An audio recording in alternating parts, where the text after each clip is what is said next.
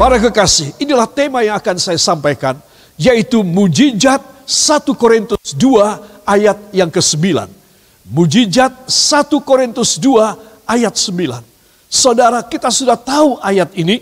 Mungkin anak-anak sekolah minggu disuruh menghafalkannya. Dan saya yakin saudara paham benar. Saudara, engkau sangat berharap apa yang tertulis di sana terjadi. Bukan hanya merupakan sesuatu pernyataan ilahi, tetapi kenyataan ilahi. Pernyataan dan kenyataan beda.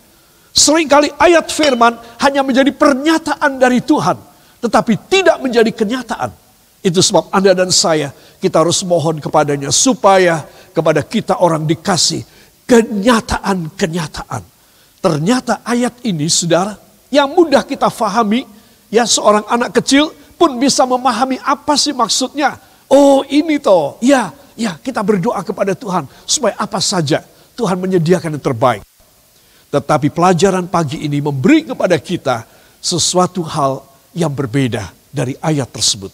Dan kalau kita sesuai dengan firman Allah, kita akan mudah sekali. Benar-benar ayat 1 Korintus 2, ayat 9 tersebut terjadi dalam hidup kita. Katakan luar biasa. Para kekasih, inilah tema kita mujizat 1 Korintus 2 ayat yang ke-9.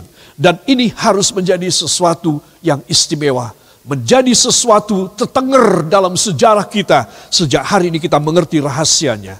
Saudara, mari kita akan membaca ayatnya bersama. Satu, dua. Tetapi seperti ada tertulis, apa yang tidak pernah dilihat oleh mata dan tidak pernah didengar oleh telinga dan yang tidak pernah timbul di dalam hati manusia semua yang disediakan Allah untuk mereka yang mengasihi Dia. Katakan luar biasa, katakan saya aminkan.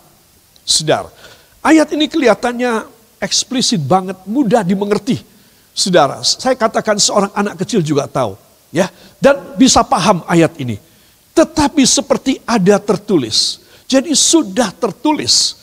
Beberapa perjanjian lama, ayat di dalam perjanjian lama sudah menuliskannya, saudara. Dan ini kita harus tahu dengan persis ya. Seperti ada tertulis apa yang tidak pernah. Satu, dilihat oleh mata. Dua, tidak pernah didengar oleh telinga. Tiga, tidak pernah timbul di dalam hati manusia. Saudara, wah saya senang banget ayat ini luar biasa Tuhan. Memang benar Tuhan saya Kadang-kadang saya tidak berani bercita-cita. Tolong beri kepada saya apa yang saya tidak cita-citakan, apa yang tidak saya minta. Saudara. Nah ini pengertian dari ayat tersebut. Ya, Tetapi nanti kita akan melihat ayat ini ternyata begitu hebat sekali maksudnya Tuhan. Itu sebab saudara, saya ingin membandingkannya bagaimana ayat ini bisa terjadi dengan satu paradigma di dalam Matius 21 ayat 21 dan 22. Kali ini tolong dibuka Alkitab di rumah saudara dan kita akan membacanya bersama.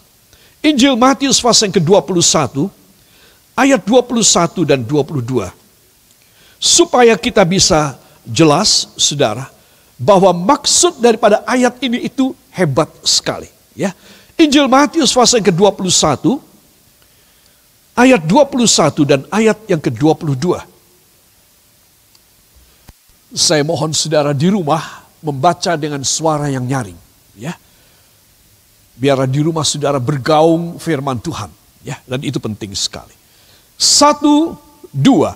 Yesus menjawab mereka, Aku berkata kepadamu, sesungguhnya jika kamu percaya dan tidak bimbang, kamu bukan saja akan dapat berbuat apa yang kuperbuat dengan pohon ara itu tetapi juga, jikalau kamu berkata kepada gunung ini, beranjaklah dan tercampaklah ke dalam laut, hal itu akan terjadi. Dan, dan apa saja yang kamu minta dalam doa dengan penuh kepercayaan, kamu akan menerimanya. Amin. Katakan saya akan menerimanya.